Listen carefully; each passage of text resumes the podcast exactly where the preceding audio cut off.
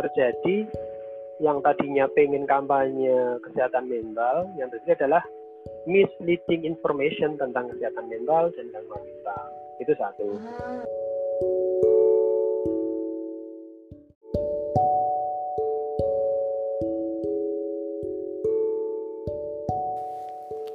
Halo, senang sekali bisa produksi podcast lagi. Episode ini diangkat untuk memperingati Hari Pencegahan Bunuh Diri Sedunia yang jatuh pada tanggal 10 September lalu. Kita akan ngobrol secara khusus tentang topik pop culture dan bunuh diri.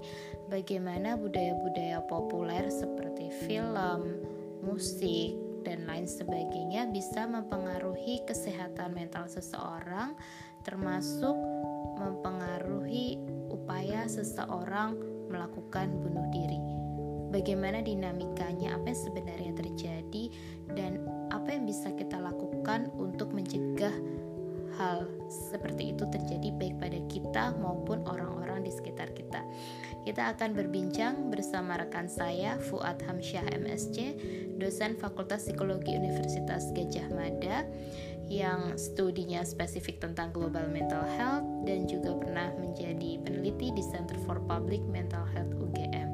Fuad juga secara khusus pernah melakukan penelitian mengenai pop culture dan depresi. Halo Fuad. Apa kabar?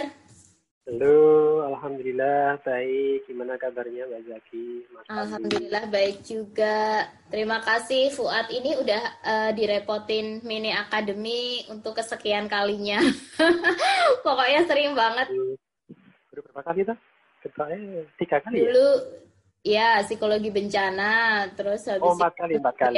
Siswa DAAD pokoknya tiga kali ya tiga kali lah pokoknya kita sering repotin Fuad dan uh, teman-teman podcast uh. dengar podcast mini academy ini tuh Fuad uh, Hamsyah seperti yang tadi saya sampaikan di pengantar seorang dosen di Fakultas Psikologi masih teman saya juga karena kita angkatannya nggak beda jauh gitu ya jadi uh, kita sudah berencana sebenarnya sebelum pandemi itu pengen bikin sesi ya Fu ya tentang Betul. suicide depression, pop culture gitu, tema-tema kesehatan mental. Tapi karena pandemi jadi uh, kita alihkan nih ke media yang bisa disimak oleh semua teman-teman. Nah, Fu kita bicara tentang pop culture dan suicide nih, Fu dan yep. bunuh diri ya. Hmm. Ini dalam salah satunya dalam rangka Hari Pencegahan Bunuh Diri sedunia yang jatuh kemarin tanggal 10 September.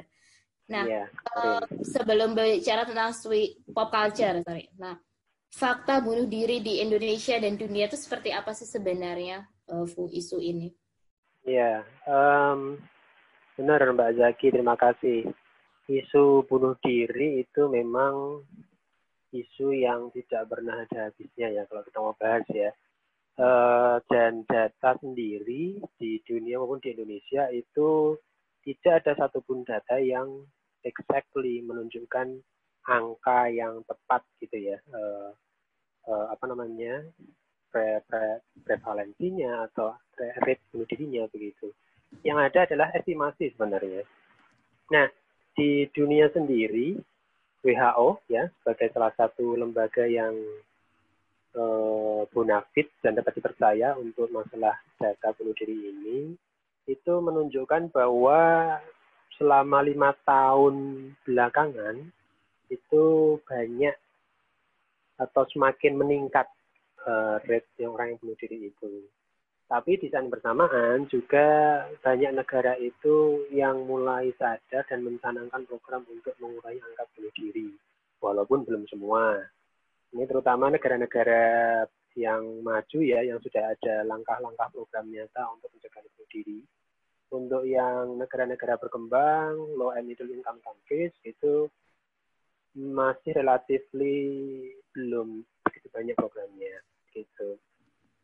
Kalau Indonesia sendiri sih uh, datanya lebih lebih tidak exact ya, maksudnya tidak tepat menggambarkannya karena ya uh, kita tahu sendiri di Indonesia semuanya masih serba stigma ya. Kita punya gangguan jiwa saja itu ada stigmanya.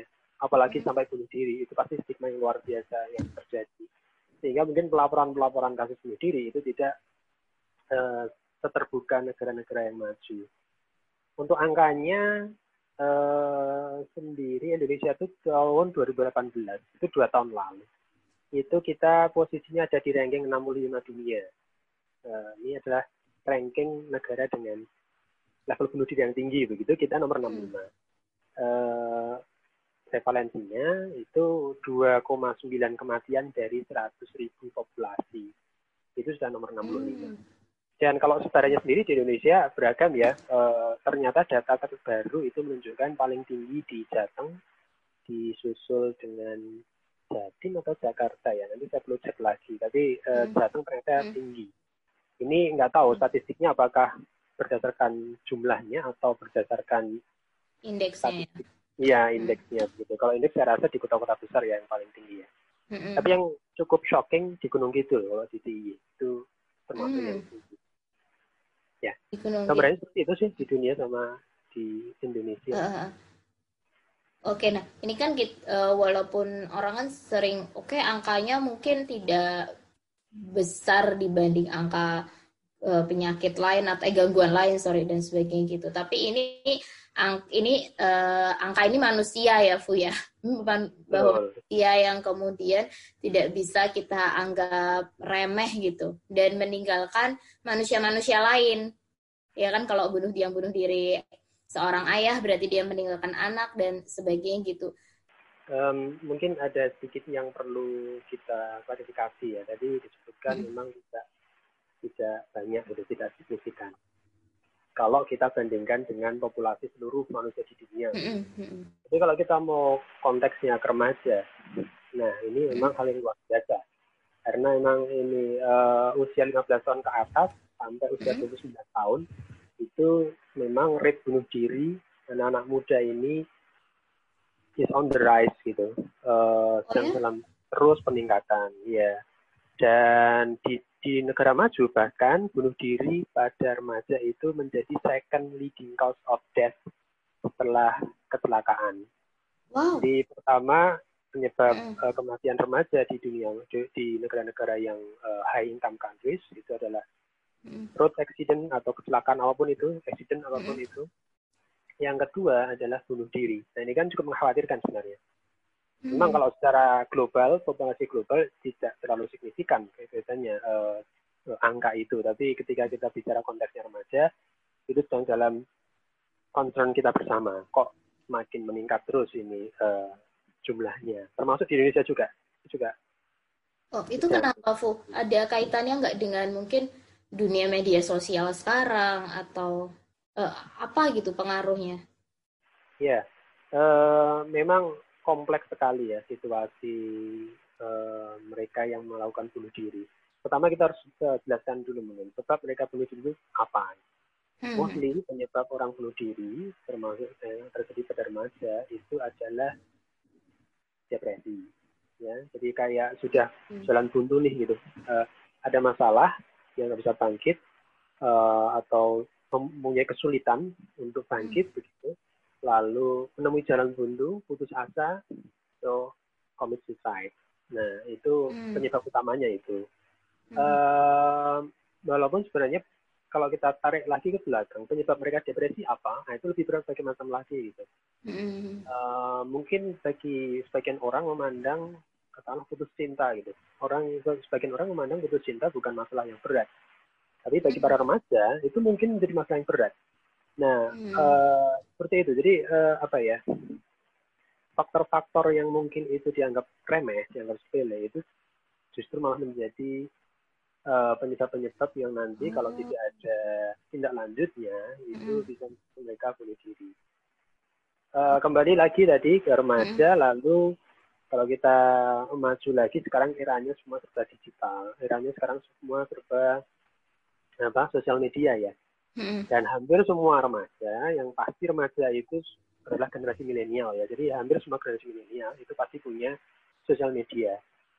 Uh, di mana sosial media itu ternyata uh, dari riset itu menunjukkan bahwa sosial media itu menjadi sarana bagi anak-anak muda ini untuk apa? Kalau orang Jawa bilang udoroso, sarana untuk share, sarana untuk curhat.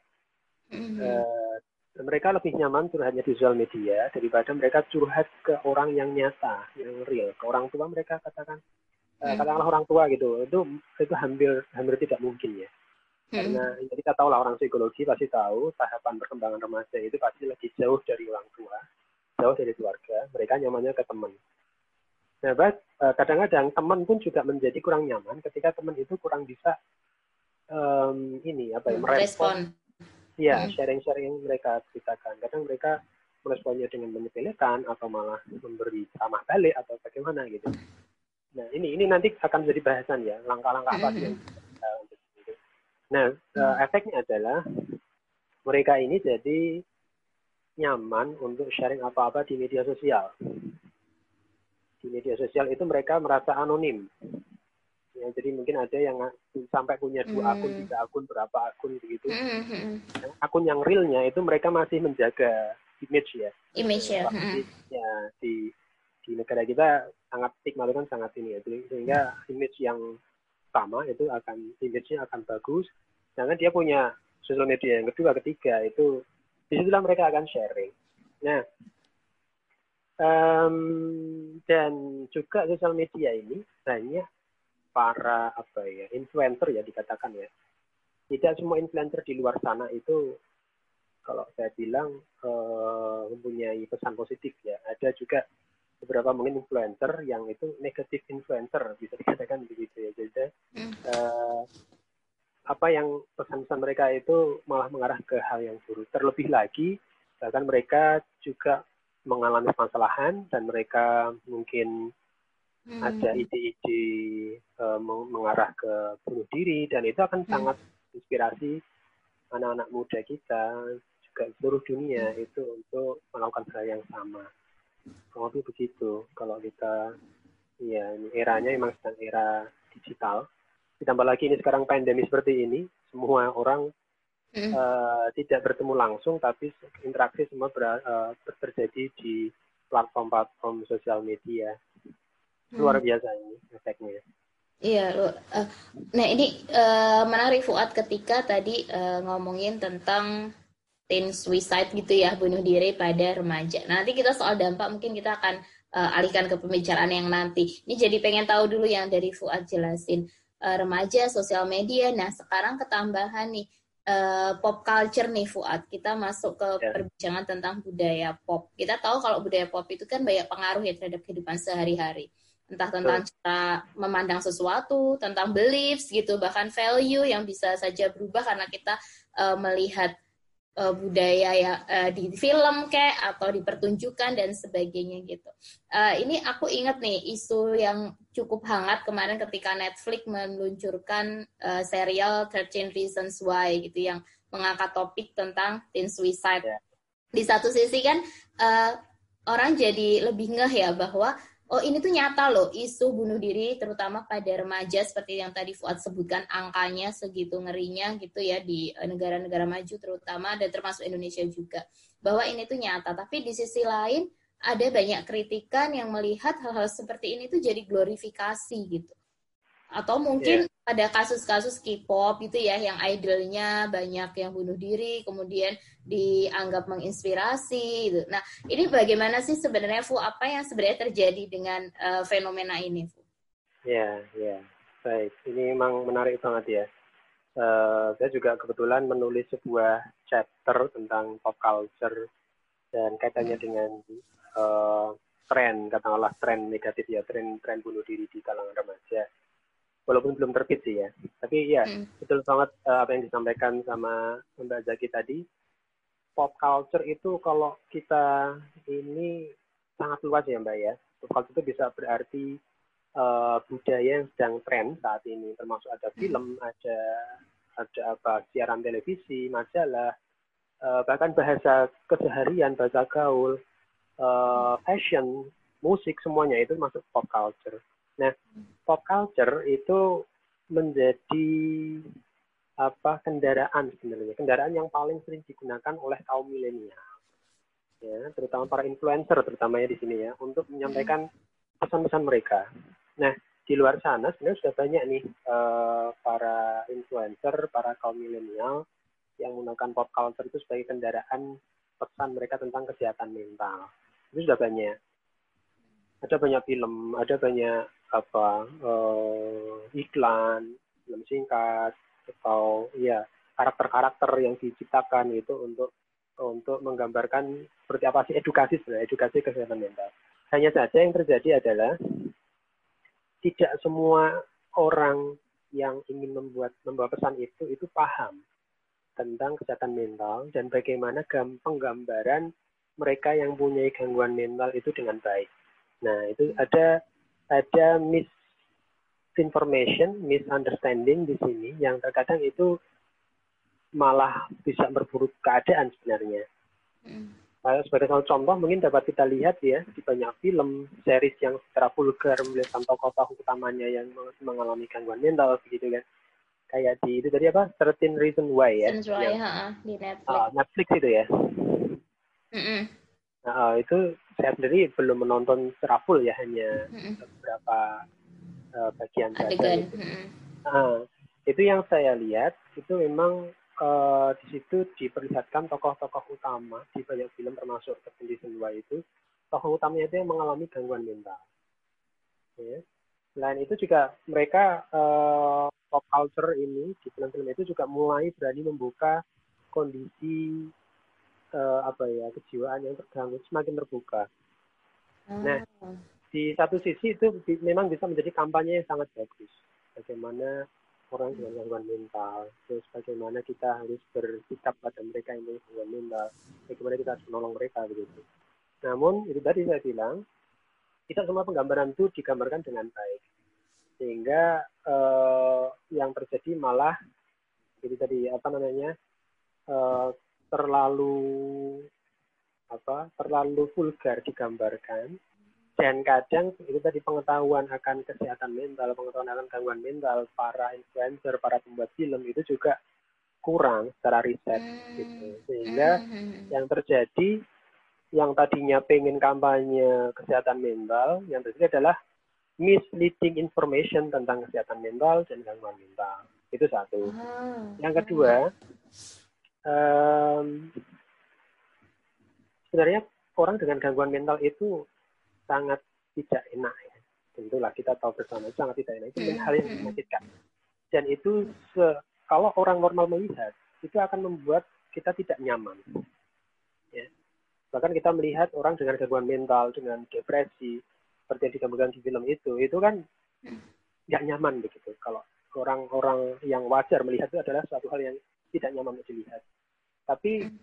karena kepentingan film di sini, mereka juga butuh mencari keuntungan mereka butuh viewer yang banyak mereka hmm. butuh uh, tampil yang oke okay, gitu sehingga penggambaran karakter-karakter dengan gangguan mental ini terkadang tampak keren memang nah uh, para remaja di satu sisi para remaja itu mereka secara emosi mereka sudah uh, sorry kognitif sudah oke okay, perkembangannya tapi emosinya masih belum ter, terbentuk dengan sempurna di apa hmm. prefrontal loop atau apa ya kalau di otak saya hmm. lupa hmm. sehingga eh, yang terjadi adalah mereka hanya menangkap saja secara oh ini keren gitu nah, mereka belum bisa membedakan uh, kerennya itu apakah real di di kenyataan di kehidupan realitas di kenyataan di dunia nyata itu apakah sekeren itu atau enggak itu kan mereka belum bisa membedakan itu yang mereka tahu adalah itu keren Nah, terkadang ini yang hmm. menjadi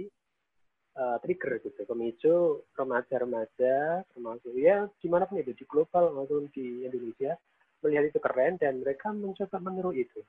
Nah, ini yang menjadi salah kaprah di sini. Hip hop culture yang sebenarnya hmm. untuk di kendaraan, untuk edukasi kesehatan mental, gangguan mental, bagaimana kita bersikap, bagaimana hmm. kita uh, membantu mereka. Tapi di satu sisi justru malah menjadi kendaraan yang membawa pesan ini keren. Ini menjadi model nih. Ini bisa dicontoh loh teman-teman. Ini ini keren loh. Nah, itu yang salah itu.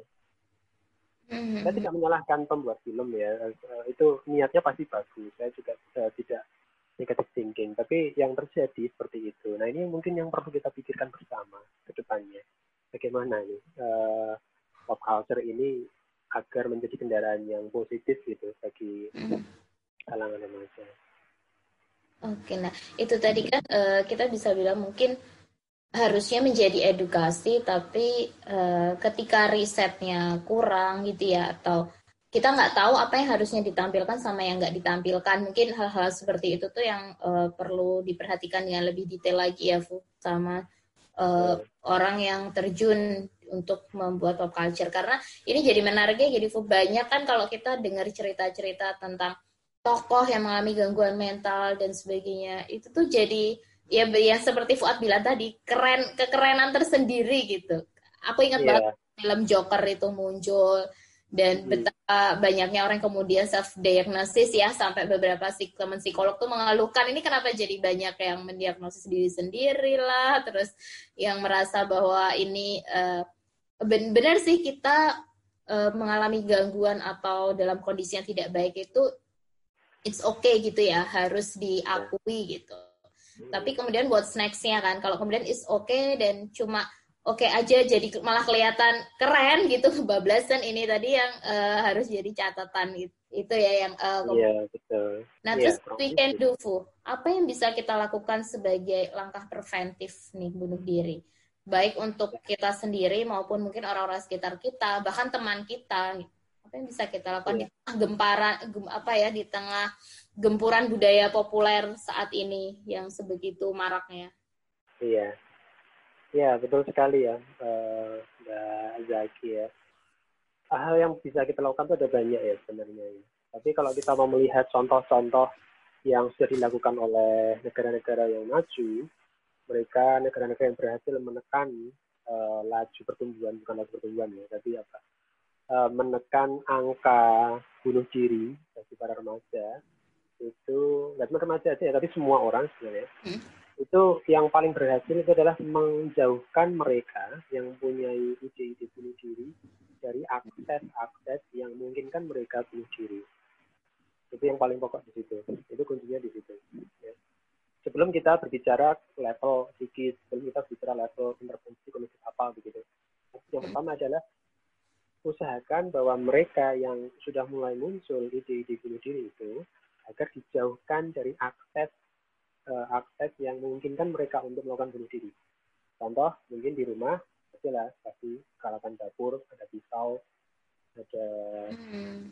tali entah hmm. tali api atau tali ya tambang atau apa itu nah hmm. hal-hal itu uh, untuk dijauhkan dari mereka yang mulai ada suicide situation nah akan menjadi PR bagi mereka yang tinggal sendiri Makanya kalau di negara-negara maju mereka sudah ada layanan konsultasi uh, pencegahan bunuh diri. Itu hmm. biasanya ada relawan ya, ada relawan yang uh, jika dia tinggal sendiri, yang orang yang sudah mulai bermasalah ini tinggal sendiri, ada relawan yang uh, mungkin tinggal bersama dia atau tinggal di dekat dia. Dia akan he, he or she will be there 24/7 bergantian oh. mungkin ada shiftnya gitu ya. Uh, uh, agar uh, tidak si orang yang sedang bermasalah ini tidak punya akses ke hal-hal yang bisa menyebabkan mereka bunuh diri. Itu kunci hmm. utama itu.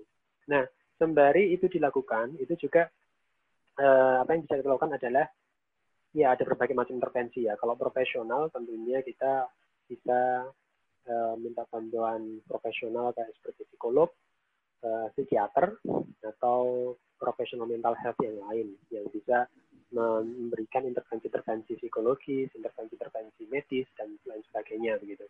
Tapi bagi kita masyarakat awam apa yang bisa kita lakukan adalah kita harus lebih apa uh, observan. Kita harus lebih bisa punya observasi yang baik. Kita juga harus lebih peduli tentunya ya. Kalau kita melihat sesuatu jangan diabaikan tapi ada apa kita care lebih care begitu kepada orang lain. Terus juga kita uh, lebih sensitif begitu dengan isu-isu yang seperti itu.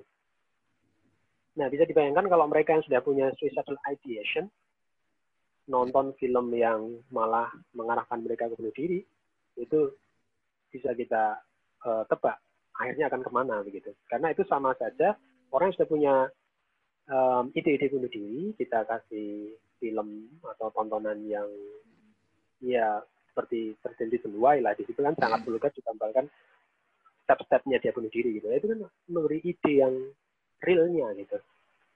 Ide yang konkretnya gitu. Nah, Walaupun sorry Fu, aku aku jadi tertarik dengan uh, apa yang dijelasin Fuad tadi. Walaupun misalnya orang nonton film itu tuh dengan tujuan agar aku merasa uh, tenang gitu. Tau nggak? Jadi ada film-film yang kita anggap itu tuh heals myself juga tuh kayaknya kalau nonton ini karena oh ternyata ada ya orang yang begini juga gitu. Punya trauma misalnya nih drakor kayak it's okay to be not okay gitu ya. Kayak oh iya ini punya trauma juga. Oh jadi ini nggak apa-apa ya gitu. Jadi antara ini tuh bisa menjadi healing buat orang. Karena misalnya di, di, di adegan itu ada tentang uh, butterfly hug misalnya ya kayak pelukan yang menenangkan atau ada adegan lain yang kemudian bisa menjadi healing juga buat si penonton itu gimana yang bedainnya bahwa ini akan menjadi healing atau ini justru akan memperparah kondisiku gitu Iya, uh, tadi konteks saya kan orang yang sudah muncul ide bunuh diri ya. Uh, okay. Bagi orang-orang yang uh, macam misalkan kita yang sedang punya masalah lah katakanlah, mm -hmm. kita sudah level mungkin ya depresi light depression, depresi ringan. Mm. Kan pasti semua orang punya masalah ya. Nah, lalu ketika kita nonton film, oh ternyata di luar sana ada yang lebih menderita. Atau mungkin oh ini aku banget ini kan biasanya kalau nonton film kan biasanya langsung ini kan relate ya. nah relate ya, gitu ya. mempersonifikasi ya betul. Nah gitu kan. Jadi Uh, terkadang kita seperti itu. Dan bagi mereka yang tidak punya severe uh, simptom uh, atau orang-orang yang mungkin masalahnya uh, level depresinya masih mild lah mungkin katakan itu itu ya itu mungkin akan menjadi healing akan menjadi apa setelah nonton film seger gitu wah uh, gitu.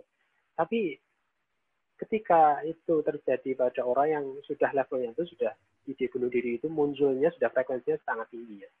Karena mungkin orang normal pun punya kepikiran wah mati enak ya kelihatannya. Itu mungkin terbersit begitu.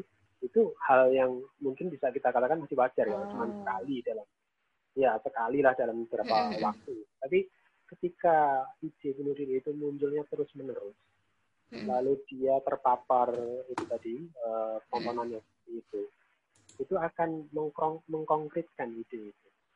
Oh, uh, dan iya khawatirnya adalah mereka bukan mendapatkan intervensi yang baik, mereka tidak mendapatkan uh, apa uh, kebutuhan mereka agar bangkit dari masalah, tapi malah semakin dipermudah uh, merealisasikan ide itu. Itu kan yang kita takutkan ya. Mm-hmm. Itu yang dinamakan ini tadi ya. Uh, karena banyak film dan ya pop culture itu yang glorifying atau mungkin istilahnya bukan glorifying tapi romanticizing mental illness mm. keren oh I see ya itu mm-hmm.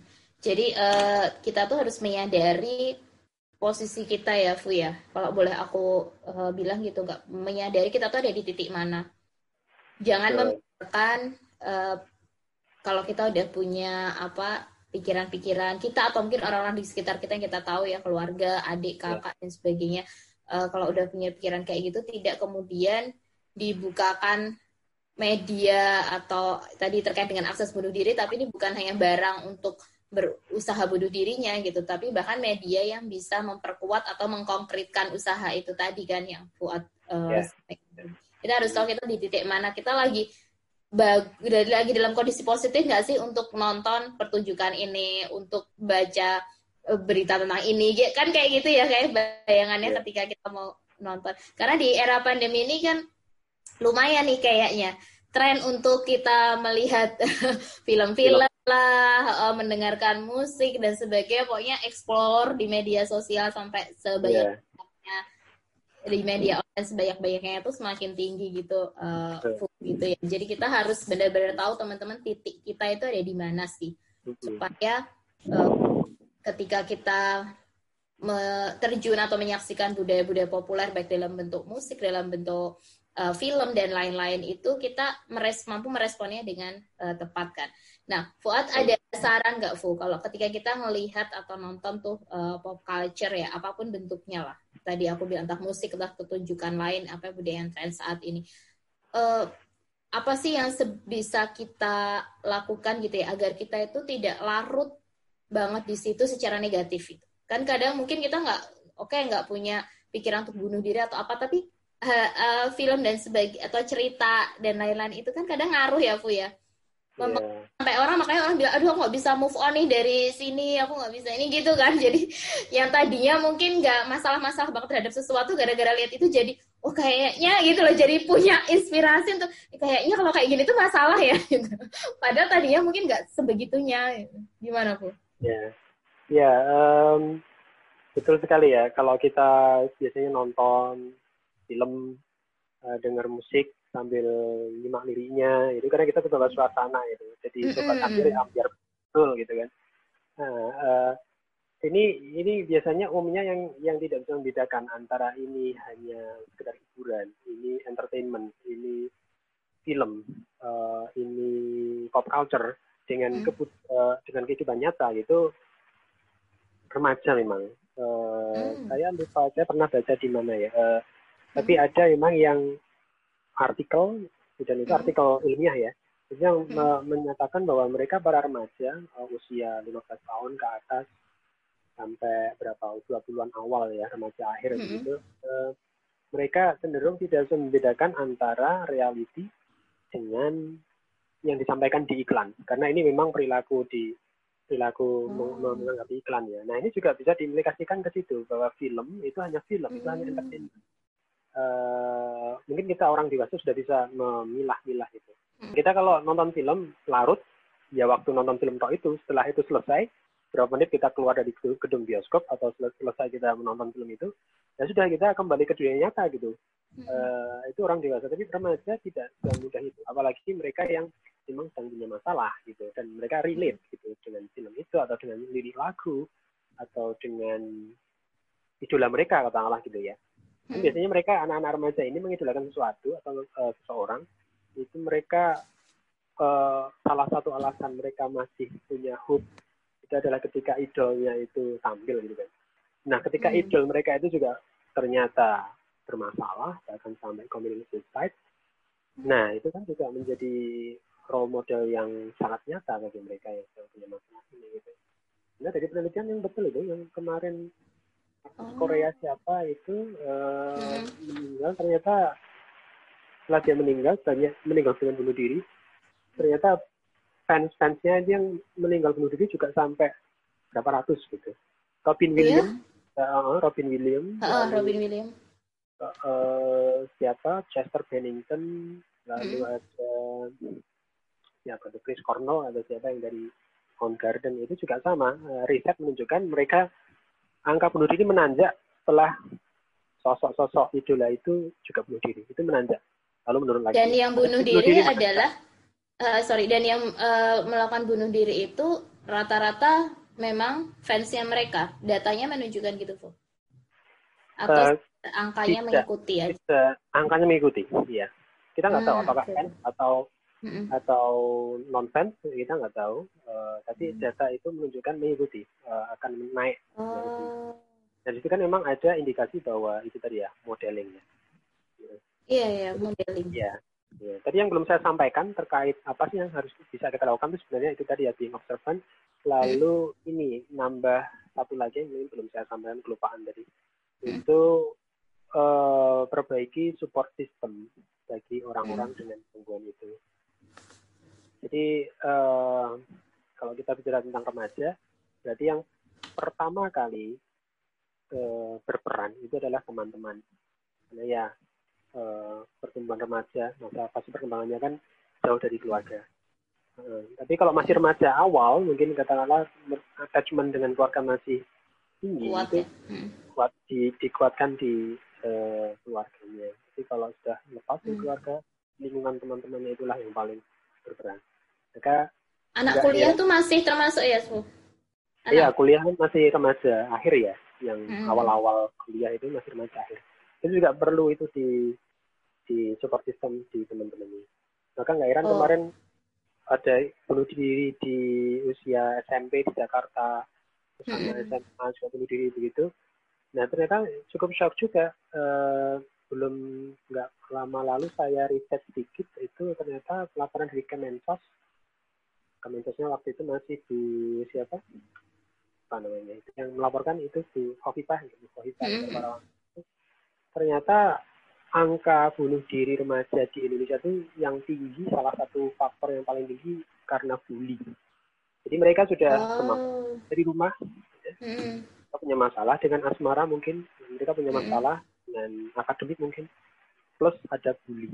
Nah itu memperparah keadaan dan kebanyakan mostly itu yang terjadi so memperkuat sistem support sistem di sekolah terutama teman-teman ya mikir remaja itu hmm. sangat sangat membantu untuk mencegah uh, adik-adik kita generasi remaja ini hmm. untuk uh, boleh di ini nggak Fu diperjelas konkretnya gitu support system itu apa sih bisa kita lakukan gitu hmm. e, sebagai temannya teman kita yang mungkin ada masalah ya memang konkretnya untuk support system sebagai teman jadilah teman curhat yang baik. Itu yang paling mendasar. Jadilah teman yang bisa diajak bercerita. Sebenarnya mereka para remaja atau para orang yang mulai muncul ide bunuh diri itu butuh channel butuh saluran untuk sharing. Aku punya masalah ini nih. Aku mulai mikir aneh-aneh gini gini gitu. Nah, jadilah teman yang diajak sharing yang baik. Itu sangat penting. Uh, pokoknya hindari atau hilangkan semua stigma itu karena hmm. ya cenderungan budaya kita kan stigma masih tinggi ya jadi ada yang curhat hmm. aneh-aneh gitu mulai wah ini anak ini bermasalah ini terus malah dijauhi itu yang terjadi nah jangan sampai seperti hmm. itu jadi jadilah uh, circle teman-teman yang baik. Jika ada yang bermasalah, bantu dia. Gitu. Kalau perlu malah bikin shift gitu, nggak jangan sendiri. Kalau sendiri kan memang terlalu berat ya. Ajak teman-teman yang lain jadi shift uh, menjadi teman agar selalu ada buat dia gitu yang masalah itu sangat sangat membantu. Hmm. Uh, karena yang berparah itu tadi, uh, mereka tuh sebenarnya pengen channel, pengen ada saluran buat sharing, tapi ternyata tidak pernah menemukan sosok atau orang yang di kita nyata itu bisa diajak sharing dengan baik dengan dengan enak itu maka mereka munculnya ke sosmed dengan akun anon gitu ya akun hmm. yang palsu gitu. Jarang juga kan pernah pernah kita dengar bersama berita negatif itu bunuh diri sambil live FB atau live IG gitu. Hmm. ngeri. Uh, Ya, itu itu terjadi. Karena itu tadi mereka butuh diperhatikan, mereka butuh didengarkan, tapi nggak mendapatkan tempat yang nyaman di dunia nyata.